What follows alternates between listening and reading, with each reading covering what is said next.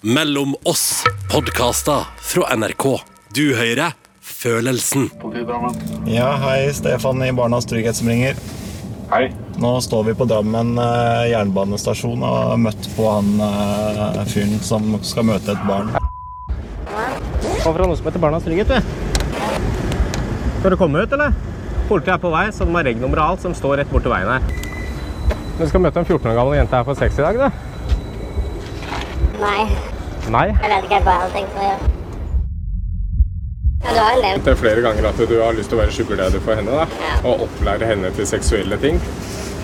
Sånn som å ha penisen langt ned i halsen og lære seg å Du har skrevet ganske grovt til det barnet, da. Du veit jo hva seksuell lavalder i Norge er? Du er lærer, er du ikke det? Ja. Stefan, som er en av de stemmene du hører her, han bruker store deler av livet sitt på å avsløre overgripere. Gjennom den frivillige organisasjonen Barnas Trygghet så bruker han fritiden sin på å chatte med mennesker som vil ha sex med barn, og så konfronterer han dem etterpå.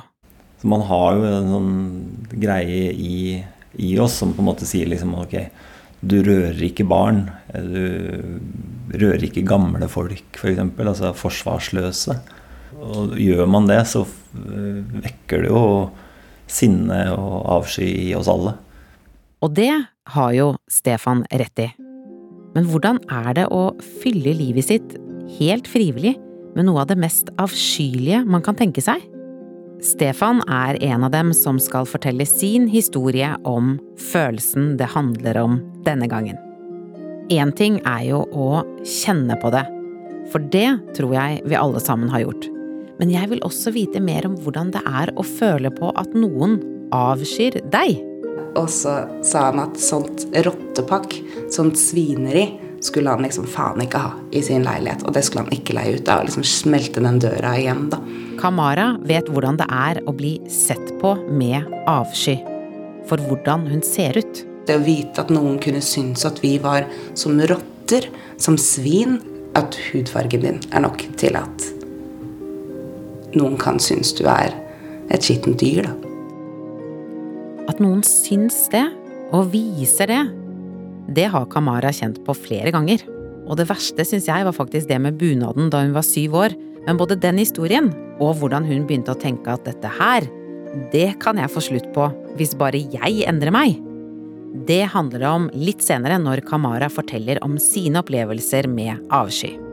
Men la oss tenke litt sammen på følelsen avsky først. Det er jo en veldig fysisk følelse, avsky. Jeg får nesten lyst til å gjøre sånne brekke meg-bevegelser, og nesten lyst til å lage lyden «Åh!» når jeg sier ordet avsky. Og det er rart å tenke på at det å, å kjenne på avsky, det er jo egentlig noe som er veldig bra for oss mennesker.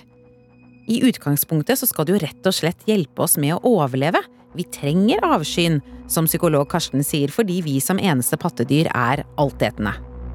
Vi må, være, vi må være veldig sensitive på det å spise og drikke ting. I og med at vi må søke oss fram og forsøke for forskjellige ting, så må vi ha veldig tydelige signaler om når vi støter på noe som vi ikke har godt av å få i oss. Og det er jo derfra eh, den, den grunnfølelsen kommer, og, og det som er dens opprinnelige funksjon. Det å signalisere tydelig overfor seg selv eller til andre i flokken. Her er jeg i ferd med å ta, i, ta noe i meg som jeg ikke har godt av, som dere heller ikke har godt av. Og Derfor er jo det følelsesuttrykket veldig tydelig også. Det var ikke kjempekult å bli nyst i ansiktet før heller, men nå er det kanskje ekstra viktig å signalisere at jeg helst ikke, helst ikke gjør det. Ja, helst ikke gjøre det. Ikke nå, og ikke aldri. Men den avskyen, den er en liten snik, altså. For det handler jo overhodet ikke bare om biologi og overlevelse lenger. Det som er interessant med, med den følelsen, er at den fra og gått fra et veldig sånn biologisk utgangspunkt, så kan den tilpasses kulturer. Og ikke sant, I noen kulturer så vil, eh, vil det fortsatt være sånn, og det i hvert fall har vært sånn tidligere, at man reagerer med avsky på tegn til kvinnelig seksualitet, f.eks. Uh, som et veldig tydelig signal og en måte å kontrollere ja, kvinnelig seksualitet på. Det er avskyelig, det at du i det hele tatt skal ønske det eller uttrykke seksuell lyst og nytelse på en naturlig måte. Det skal holdes i sjakk.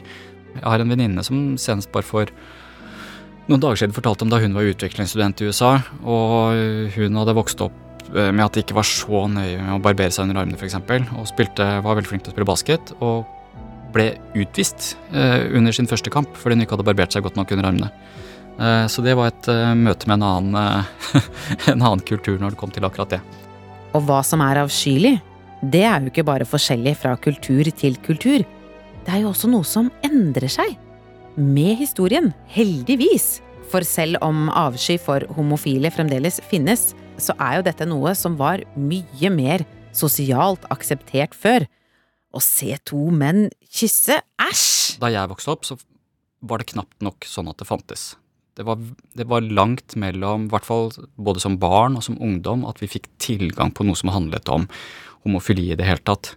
Og det var fortsatt, det var jo relativt kort, siden, kort tid siden uh, homofili var forbudt.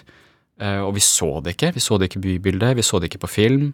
Uh, vi hørte ikke om det. Og når man hørte om det vi hadde en, Da jeg vokste opp, så var det én som var homo. Harry Homo, som han ble kalt i Asker. Og han var en, en hoggestabbe som var rusmisbruker. Og som Jeg vet ikke engang om han var det, men han var en som jeg så folk gikk bort og sparka til på gata.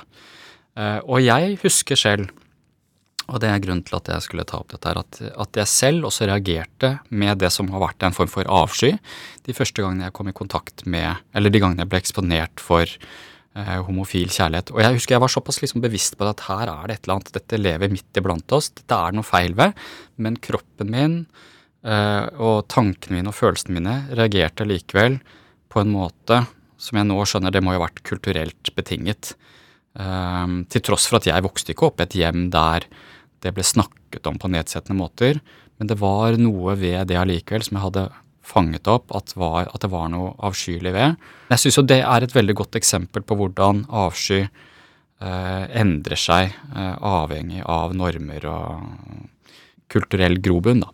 Så hva som vekker avsky, det endrer seg. Og det endrer seg jo også ut fra hvor det er plassert. Den reneste og mest hygieniske karakteren som finnes i humorverden, Jerry Seinfeld. Han har jo veldig rett når han snakker om hår. På hodet, smasket i smask, å, så nydelig! Men sitter ikke fast på hodet lenger. Altså, åh, det er det ekleste du kan tenke deg.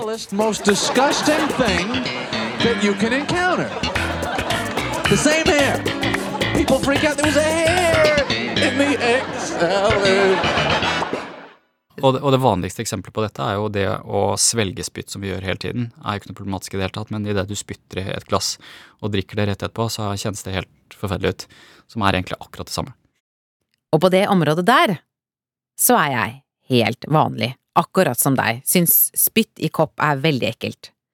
Men da jeg for noen år siden fikk meg en ny kjæreste, så skjønte jeg at når det kommer til avsky for bakterier, spise gammel mat, ikke bry meg om datostempling, så er ikke jeg gjennomsnittlig, sånn som jeg trodde.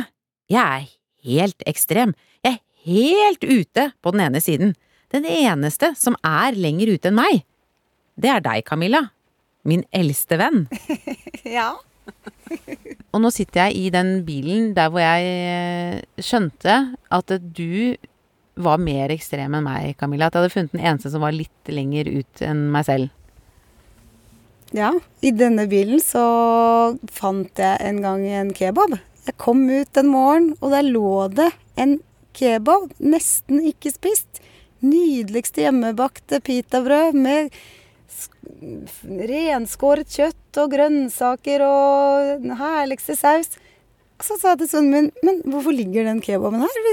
Han hadde vært med en kompis ti år, altså. De er noen små, søte gutter. Og, fått, eh, og kjøpt kebab dagen før. Og så, så viste det at kompisen likte ikke denne kebaben.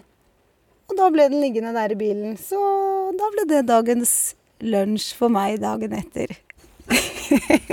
og det syns jo folk tydeligvis er litt utafor, men jeg syns at uh, man kan ikke kaste byens beste kebab. Altså Sånn er det jo. Det er mange som syns at det er Altså De kunne aldri tenke seg å plukke opp kompisen sin kebab, som har ligget i bilen, selv om det var kjøleskapstemperatur.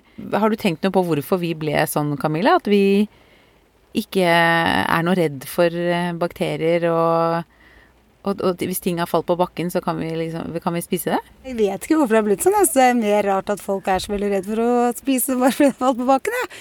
Det så ofte skjer at folk sier sånn Oi, oi, her var det gode bringebær. Nei, men tenk om en hund har tissa på de. Eller Du kan overnatte her, men du vil sikkert skifte dyntrekk, for der har den og den sovet. Nei, jeg trenger ikke å skifte dyntrekk bare fordi en og annen har sovet på den hytta i samme dyna et par eh, netter. Kjenner du på at samfunnet har endra seg på det? At de andre rundt har blitt mer sensitive på sånne ting? Ja, det må de ha blitt. fordi når, altså sånn, For det første er det jo også en helt annen holdning til å kaste mat og sånn. Den forrige farmor og oldemor og alt sånn, de kunne jo ikke falle dem inn. Og kaste ting bare pga. at de var litt gammelt eller fordi det hadde falt på bakken. Så det er jo et slags overflodsfenomen, sikkert. At man kan være så kresen, da. Eller nøye på det. Jeg og Camilla er jo ekstreme på den ene siden, men det er jo litt av noen greier vi finner på motsatt side. Og sånn var det før det ble pandemi i verden også. Og én ting er jo at alt skal være så rent og bakteriefritt at det faktisk har begynt å bli farlig for oss, vi får i oss for lite bakterier, men når hele livet skal være plettfritt, som det jo noen ganger virker som når man scroller litt rundt på Instagram, ja, da blir psykologen bekymra. For noen er dette kjempeproblematisk, også psykologisk. Det å skulle være yndig, det å skulle være skjønn, det å skulle være vakker, og få så mye av sin identitet knyttet til det. Veldig begrensende og hemmende, og gjør at man kan utvikle mye større grad av avsky overfor seg selv når man kommer i kontakt med noe som antageligvis er mye mer naturlig. Og da eh, er det jo veldig bra og en utrolig viktig jobb en del har gjort med, altså fra, av kvinnelige komikere f.eks., som peker på sine egne avskyelige sider, både psykisk og, og fysisk. F.eks. Eh, Tusvik og Tønne, som har brukt mye krefter på å snakke om, om det kroppslige hos kvinner på en måte som gjør at man kan bli vant til det, og at man også kan le av det. Og fordi jeg er en av dem som setter pris på at Sigrid Bonde Tusvik får meg til å le rått når hun forteller om rumpehullrevning, og at jeg føler at jeg har blitt venn med den lille drueklasen av noen hemoroider som Lisa Tønne har, fordi jeg så ofte hører på podkasten deres, så vet jeg også at dette, dette kommer Lisa til å bli veldig glad for å høre, at psykologen synes at de gjør en viktig jobb. Dette ble jeg veldig veldig glad for å høre. Og når det er sagt, så er det jo veldig stas da å få skryt for noe som vi i Tusvik og Tønne faktisk føler at er flaggskipet vårt, da, som er det å fjerne skam og snakke om tabubelagte ting. Det koser vi oss jo veldig mye med. Så da er vi oppe og snakker om eh, ting som andre kanskje syns er heslig, som f.eks. hemoroider. Jeg føler jo selv at jeg har gitt hemoroidene et ansikt utad eller en ræv utad. Karsten trekker også frem den ti år gamle komedien Bridesmaids, som jo tittelen sier handler om en gruppe damer som skal være brudepiker for venninna si.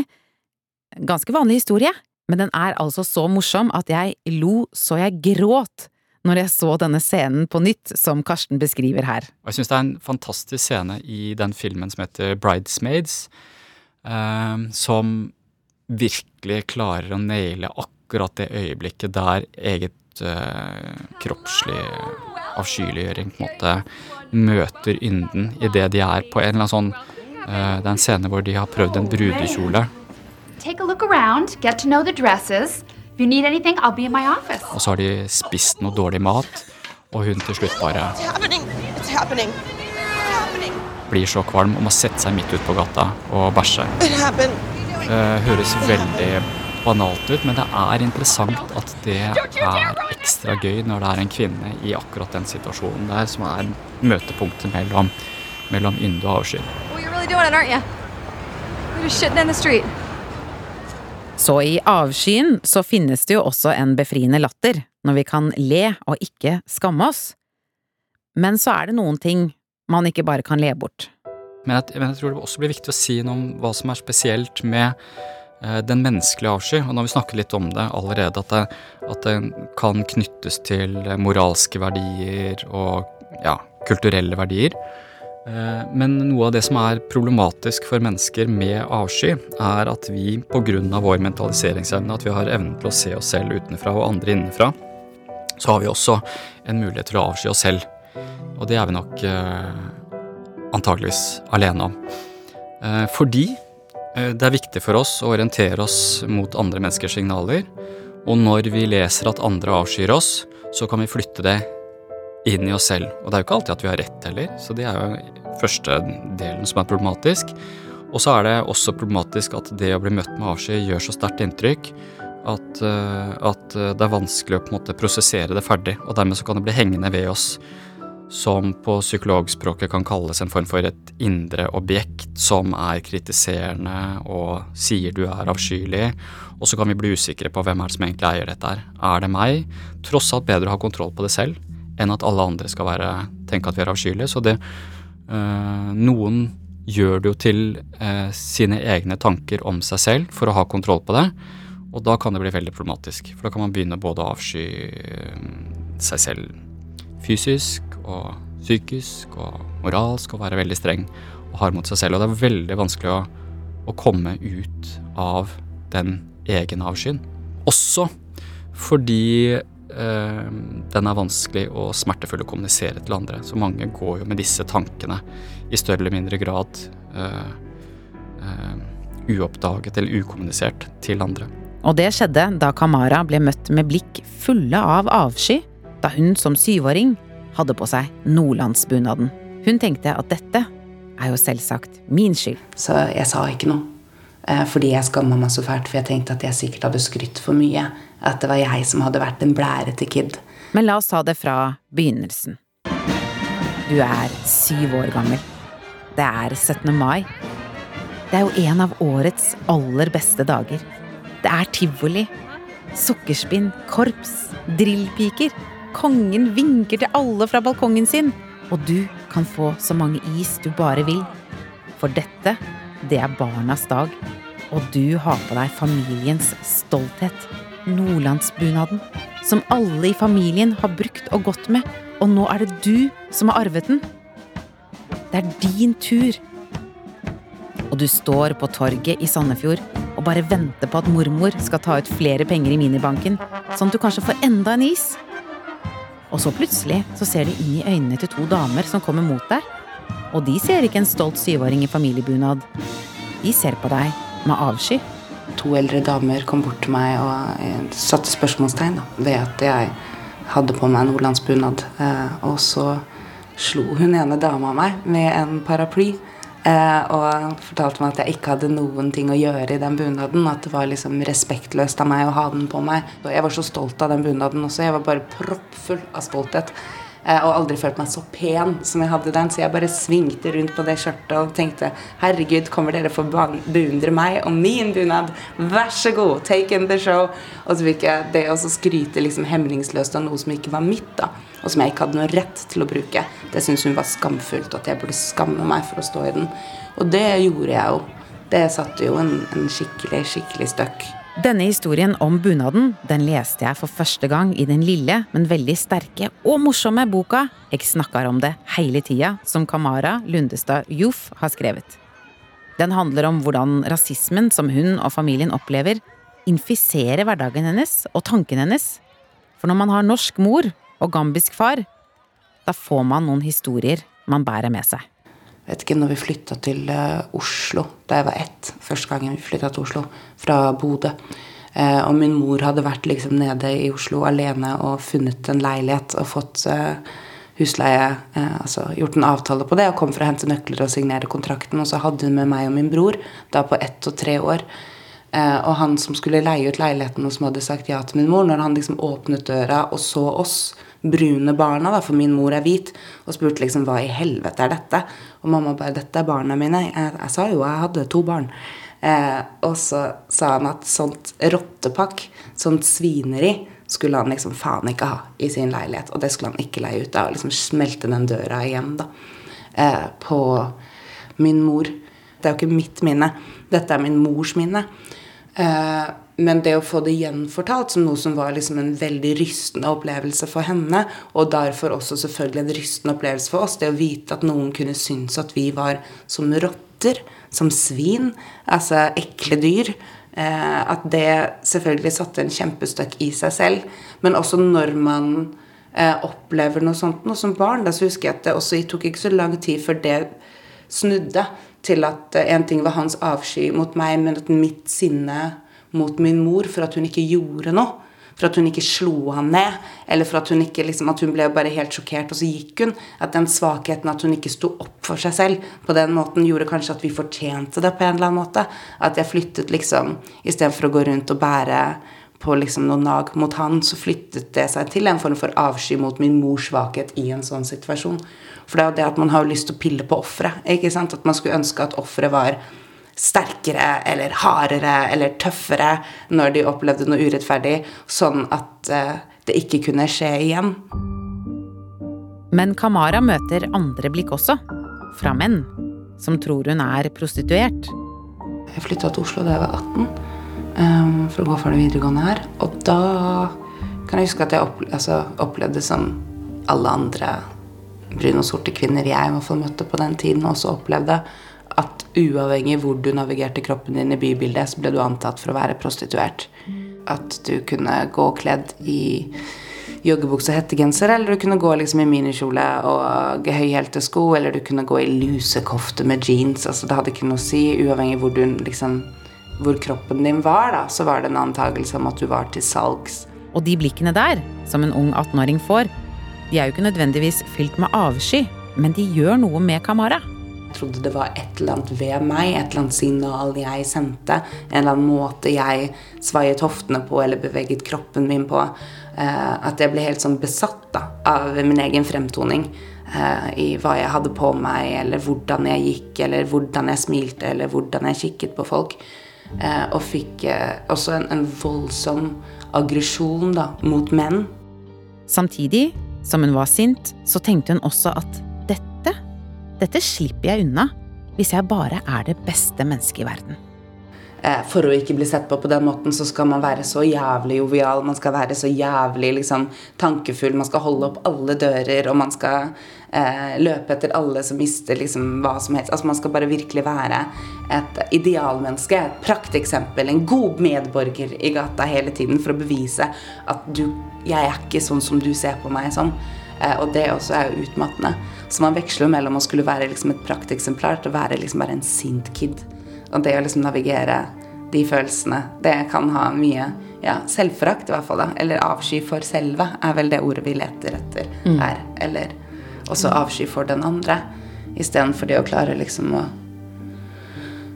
i hvert fall trekke pusten, fjerne seg fra situasjonen og innse at shit, herregud, så mye jeg må bære på som ikke har noe med meg. Dette er ikke min bør å bære. Men så, en dag, så klarte hun å slutte å bære på all den dritten der. Jeg husker jeg en dag bare hadde en sånn skikkelig klar sånn åpenbaring om at dette har ingenting med meg å gjøre. Men det har ingenting med meg å gjøre. Ikke noe å si hva jeg har på meg, ikke noe å si hva jeg går. Dette har ingenting med meg å gjøre. Dette handler bare om denne personen sitt blikk på meg.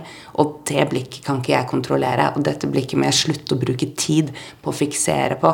Dette blikket er den personen sitt problem, og jeg bærer konsekvensen av den personen sitt problem. Men det har ikke noe med meg å gjøre, så jeg må slutte å bære på det. Og så må man eh, som liksom et samfunnsansvar da, begynne å ta tak i de strukturene. Jobbe med det aktivt. Og det er det jeg bruke kunstnerskapet mitt på. Men det å flytte liksom eh, den emosjonelle byrden, da, på en eller annen måte, fra meg selv. Og Kamaras historier, de er ikke lenger bare hennes. For boka med bunadshistorien, jeg snakker om det hele tida, skal nå bli teater. Altså Det som betyr noe når denne boka her blir liksom kjøpt av Riksteatret og skal sendes ut da, til liksom hele Norges teater, er jo noe med at man anerkjenner at dette er liksom ikke bare en eh, At dette er allmenne historier, da. Selv om de er mine, og selv om de er individuelle, og selv om de er brune, og selv om de liksom handler fra et minoritetsperspektiv, så er dette allmenne historier. Det at denne boka har fått lov til å vokse på den måten, det at den eksisterer i seks opplag, det at den ble, den ble pensum på litteraturvitenskap. Eh, flytta Jon Fosse ut av pensumslista og tok inn meg til ingen forkleinelse eller berømmelse for noen. Men eh, nynorsk, nynorsk.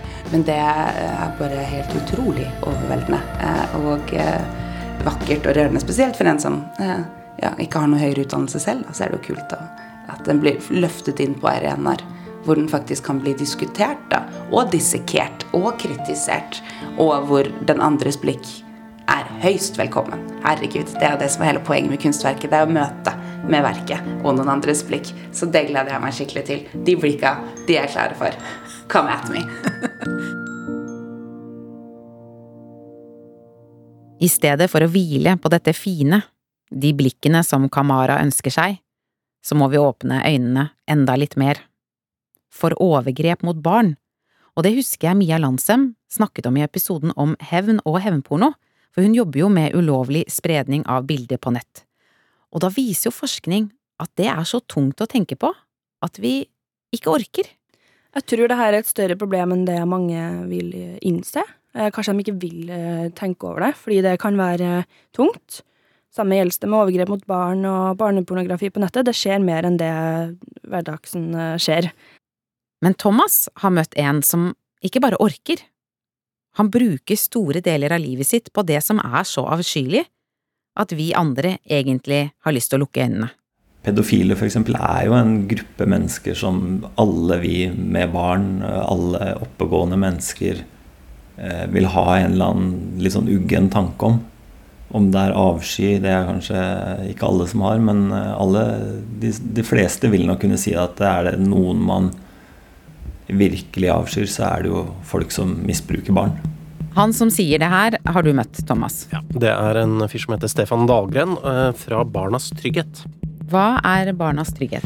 Eh, det er en organisasjon som ble starta for fire år siden etter at de ble inspirert av et amerikansk TV-program. Ja, det var med han Chris Hansen, eh, 'How to Catch a Predator', hvor de da lokka egentlig voksne mennesker i felle. da. Og da blei det jo egentlig det å liksom se er det sånn, er det faktisk voksne som tar kontakt med barn på nett i Norge. Og det var det jo. Så det her er altså en gjeng med privatpersoner som prøver å avsløre overgripere. Ja, De er inne på forumer og chatapper og sier at de er f.eks. en jente på 13, og så ser de da om det er noen som tar kontakt med dem som ikke har gode hensikter.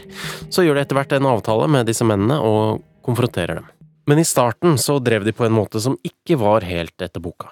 Når vi starta, så skrev jo vi gjerne sånn derre Altså når de skrev at de ville ha sex, da, så kunne vi liksom være veldig sånn bekreftende og kanskje sånn til og med si det at ja, men hvis du kommer, så skal jeg gjøre sånn og sånn og sånn.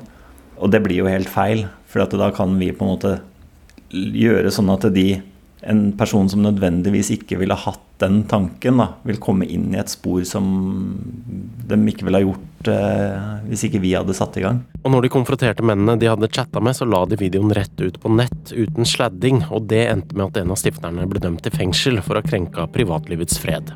Hvor langt kan vi gå for å forhindre seksuelle overgrep mot barn? Gruppa Barnas Trygghet får eh, sterk kritikk fra politiet for hvordan de jakter på pedofile. Men her filmes eh, konfrontasjonen med den hensikt og at de skal publiseres. Altså, vi tar jo selvfølgelig det til etterretning, det som blir sagt. At vi må ta mer hensyn til eh, det også. Så hva betyr det, da? Nei, altså At vi kanskje kan fortsette arbeidet uten å legge ut filmene, f.eks. Det er jo Dette var da Stefan på Dagsnytt 18 i 2017, sammen med en misfornøyd representant for politiet. Men nå har de endra praksis, og Stefan mener at samarbeidet med politiet går bedre nå. Og nå er det jo sånn at vi ser at det, det går til domfellelse de aller, aller fleste sakene. Og det eneste vi gjorde, var på en måte å være på eh, forskjellige foraer, altså grupper. F.eks. en hestegruppe eller en hundegruppe eller noe sånt. Og så kunne man liksom legge ut et spørsmål der sånn Jeg har akkurat fått meg en sånn og sånn valp. Eh, er det noen som har noe kjennskap til hvordan man fôr eller noe sånt noe? Og så får man liksom masse meldinger, da. Og da er det alltid en som liksom bare eh, Ja, så er jo forskjell på dem som på en måte sier at ja, du må bruke pedigree eller liksom eh, det, eller altså, så kommer han som den neste personen som sier at det, og, og du hadde en kjempesøt hund, Hva heter den? Altså Som begynner liksom å fiske med en gang, da. Jeg mener jo ni av ti ganger så går det liksom fra den hyggelige delen, eh, hvor de kan liksom si hvor fin den hunden er, til de går over til liksom eh, begynne å snakke om kropp og sex og spørre ut om liksom erfaringer og om vi har kjæreste. Og, og fra der så er det jo også veldig kort, kort vei til det at de ønsker å møte. Da. Kommer fra Barnas Trygghet? Ja. Ja. Eh, De to siste ukene så har du drevet og chatta med en 13 år gammel jente. På Ah, På en eh, app som heter Badoo. For det er deg, dette her? Ja, det er meg. Ja. Og jo fortere, jo bedre, egentlig. For at det å skrive med disse folka er ganske slitsomt. Altså, vi har hatt noen chatter som har gått i et år før vi har konfrontert dem. Daglig prat liksom om eh, om denne jenta. da, liksom, ok, Nå har jeg vært i stallen, og nå har jeg vært der, og jeg har gjort sånn og sånn. Og man blir jo helt utslitt av det. Altså, det er jo ubehagelig å vite at eh, den jeg skriver med, faktisk er ute etter å ligge med et barn. Spør og si at hun ser sikkert fin ut i dusjen og Nei, ikke gå. Jeg er ikke ferdig å prate med deg. Hva, hva, hva var intensjonen din? Nei, Jeg vil ha et ærlig svar. det var ikke alt. Noen som eh, har takka for at de nå endelig blir stoppa, liksom. At de har hatt, altså innsett at de har et problem som de ikke har klart å deale med. Eh, noen har hatt folk som har besvimt. Eh, de bare liksom har blitt helt hvite og bare kollapsa. Tårer hvor de på en måte innser også da at eh, eh, Ok, det de veit nå, er det at nå står vi her Nå står jeg her med disse kara. Om kort tid så sitter jeg bak i en politibil, og jeg skulle egentlig bare på butikken. Eh, hvordan forklarer jeg dette når jeg kommer hjem i morgen? Eh, og du ser jo det at det, verden liksom bare raser. Altså de ser liksom alt gå i grus, da. Og det er klart at det er nok ikke noen god følelse eh, når du liksom ser politibilen rulle inn, og du veit at du har kone, to barn, eh, jobb, eh, alt som på en måte eh, bare hva skal si for noe? Det må være den følelsen av at noen bare drar teppet under deg, liksom. Det høres jo veldig tungt ut det her, Thomas. Thomas. Er, det, er det noe han har blitt eh, sjokkert over? Ja, det er jo det. Eh, Dessverre så er det jo mange flere som eh, holder på med det her enn det han trodde. Vi får jo daglige meldinger, eh, råd, veiledning. Liksom, eh, jeg er mammaen eller pappaen til en sånn og sånn, og hun har opplevd dette. Hva gjør vi nå? Eller at det er barn som forteller om eh, voksne som tar kontakt med dem. Jeg trodde ikke at det skulle være så mye. Det er det jeg ikke trodde. Altså, jeg hadde aldri noe, noe tanke om at det skulle være så mange som blir utsatt for eh, overgrep. da. Hvis det er noen foreldre som blir litt bekymra eh, over å høre det her, har han noen råd til dem, eller? Han anbefaler vel at foreldre ikke gir etter, og gir barna for tidlig tilgang til for eksempel TikTok. Da. Jeg tror foreldre er Altså når man ser hvor mange foreldre som på en måte gir etter for presset, da, når barna vil ha eh, Snapchat eh, når de er ti år, f.eks. Så, så liksom er det alltid noen som på en måte gir etter. da. Man følger på en måte ikke de retningslinjene som er. Det samme er jo med liksom den appen som er mest populær nå, denne TikTok-appen. Som er eh, en av de verste. Og det syns Altså, foreldre er jo ikke på TikTok, for de har jo ikke noe interesse av å se på dansing og sånt noe. Men det de ikke veit, er jo det at det er liksom en stor kontaktarena eh, for overgripere. Altså overgripere, de som søker seksuell kontakt med barn, da, de er jo selvfølgelig på de plattformene som barn bruker. Så man, man, foreldre da, gir liksom bare sånn, tenker at ja, nei, men det går sikkert greit, og barna er så flinke til sånn og sånn. Så glemmer de det da at eh, voksne er ganske flinke til å manipulere. Eh, det er ganske lett å lure en tiåring. I mange apper, mange spill og sånt, så kan man få goder ikke sant? ved å på en måte Altså Du rykker opp i en eller annen level i et spill. Hvis du kjøper liksom Du kan kjøpe deg veien opp, da. Barn har ikke råd til det, de får ikke dette av foreldra sine. Så kommer det en sånn dritsnill fyr som eh, har lyst til å betale for det. Men det er jo ikke gratis, ikke sant. Så er det kanskje vanskeligere å gå til foreldra sine og si at eh, 'jeg fikk dette', liksom. Har jo fått beskjed om å ikke si noe, ikke sant. Og så er ballen i gang, da.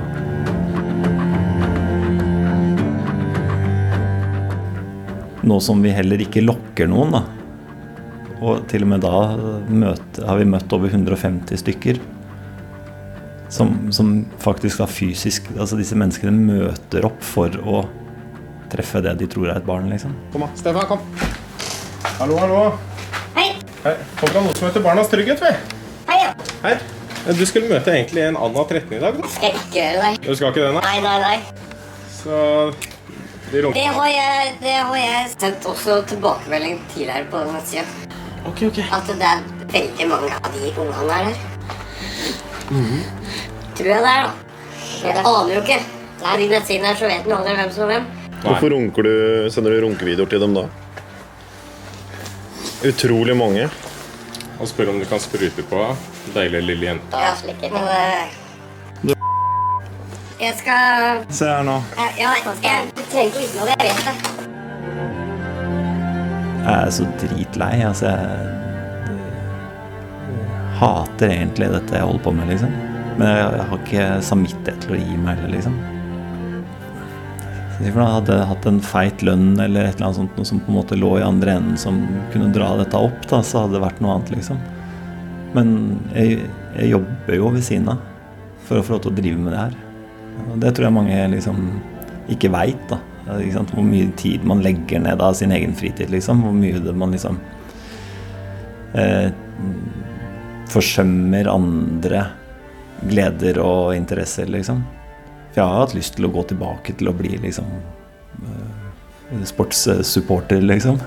Jeg savner jo egentlig det innimellom, men jeg kjenner at jeg har ikke tid til det. Jeg har ikke tid til å gå på fylla og kaste bort en dag, liksom.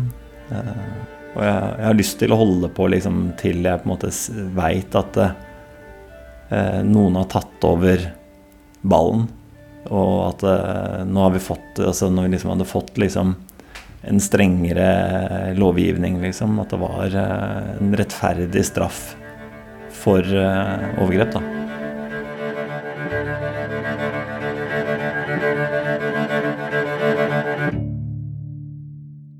Når noe er så avskyelig at du har lyst til å ha sex med barn, så gjør jo det at du kanskje ikke tør å snakke om det eller søke hjelp. Men høsten 2020 så lanserte faktisk Helsedirektoratet et lavterskeltilbud som heter Det finnes hjelp.no. Der er det både anonym chattetjeneste, og du kan få kontakt med psykolog. Og helt til slutt så har jeg lyst til at du skal få to gode råd av Mia Landsem, som har skrevet en bok om nettvett retta mot barn. For hvis du er en forelder nå, som har barn som er på TikTok eller andre sosiale medier, så er det jo veldig lett å tenke at det første du skal gjøre nå, når denne episoden er ferdig, det er å gå og rope 'ikke send nakenbilder til ukjente mennesker'. Nummer én følg med. Eh, Men det handler faktisk om å følge med, for barna er ikke gamle nok til å sitte på de sosiale mediene alene, og det er derfor de fleste tingene har 13 års aldersgrense. Hvorfor får 11-åringen din lov til å adde som de vil på Snap? Nummer to vær forsiktig med pekefingeren. Og det er bra at folk tar praten, men de må passe på å ikke bare si ikke. Eh, Og hvis du som forelder står med pekefingeren og sier 'du må aldri finne på' å sende et nakenbilde av deg selv, du må aldri finne på å snakke med noen du ikke kjenner, og så gjør du det. Og så skal din forelder være den nærmeste personen du har å gå til, og den du skal komme til, og komme til meg hvis det er noen ting. Men så har du stått der med pekefingeren, som gjør at du har låst den døra der, og barnet ditt vil ikke åpne den. Og det er det alle barn sier til meg. 'Mamma har sagt sånn og sånn, vær så snill, ikke si det til mammaen min'. Og det er sånn, hvorfor, hvorfor vil de heller bli utsatt for nettovergrep enn å snakke med foreldrene sine? Og da, da skjer det noe feil. Vi forlater avskyen med de gode rådene fra Mia Landsem. Den neste følelsen vi skal utforske sammen, den tenkte jeg faktisk at Harald Eia skulle reklamere for med en liten historie. Vi snakket jo egentlig om følelsen ærefrykt, så begynte vi å skravle litt om overmot, eller hybris da, om du vil. Og han mener at overmot, det kan du finne i det populære begrepet mansplaining. Historien bak den boka 'Mansplaining' er veldig morsom. Har du hørt den historien? Nei. En dame som er i en middag i New York. Og så sitter hun til bords ved en fyr. Uh, sånn fyr i 50-årene, vanlig typen. Og så begynner de å snakke om Latin-Amerika, og så sier han jeg leste faktisk en veldig interessant bok om Latin-Amerikas historie, hvor det sto det og det og det og sånn. Og så sier hun Ei, så kult! Det er jeg som har skrevet den boka. Og så sier han ja, nettopp. Og det som sto i den boka, det var at uh, så fortsatte han å belære, da. så det er en sånn der lavskala hybris som er veldig morsom. Så abonner på podkasten Mellom oss. Da blir det både lavskala hybris og litt større hybris i den neste følelsen. Du har hørt en podkast fra NRK. Hør flere podkaster og din favorittkanal i appen NRK Radio.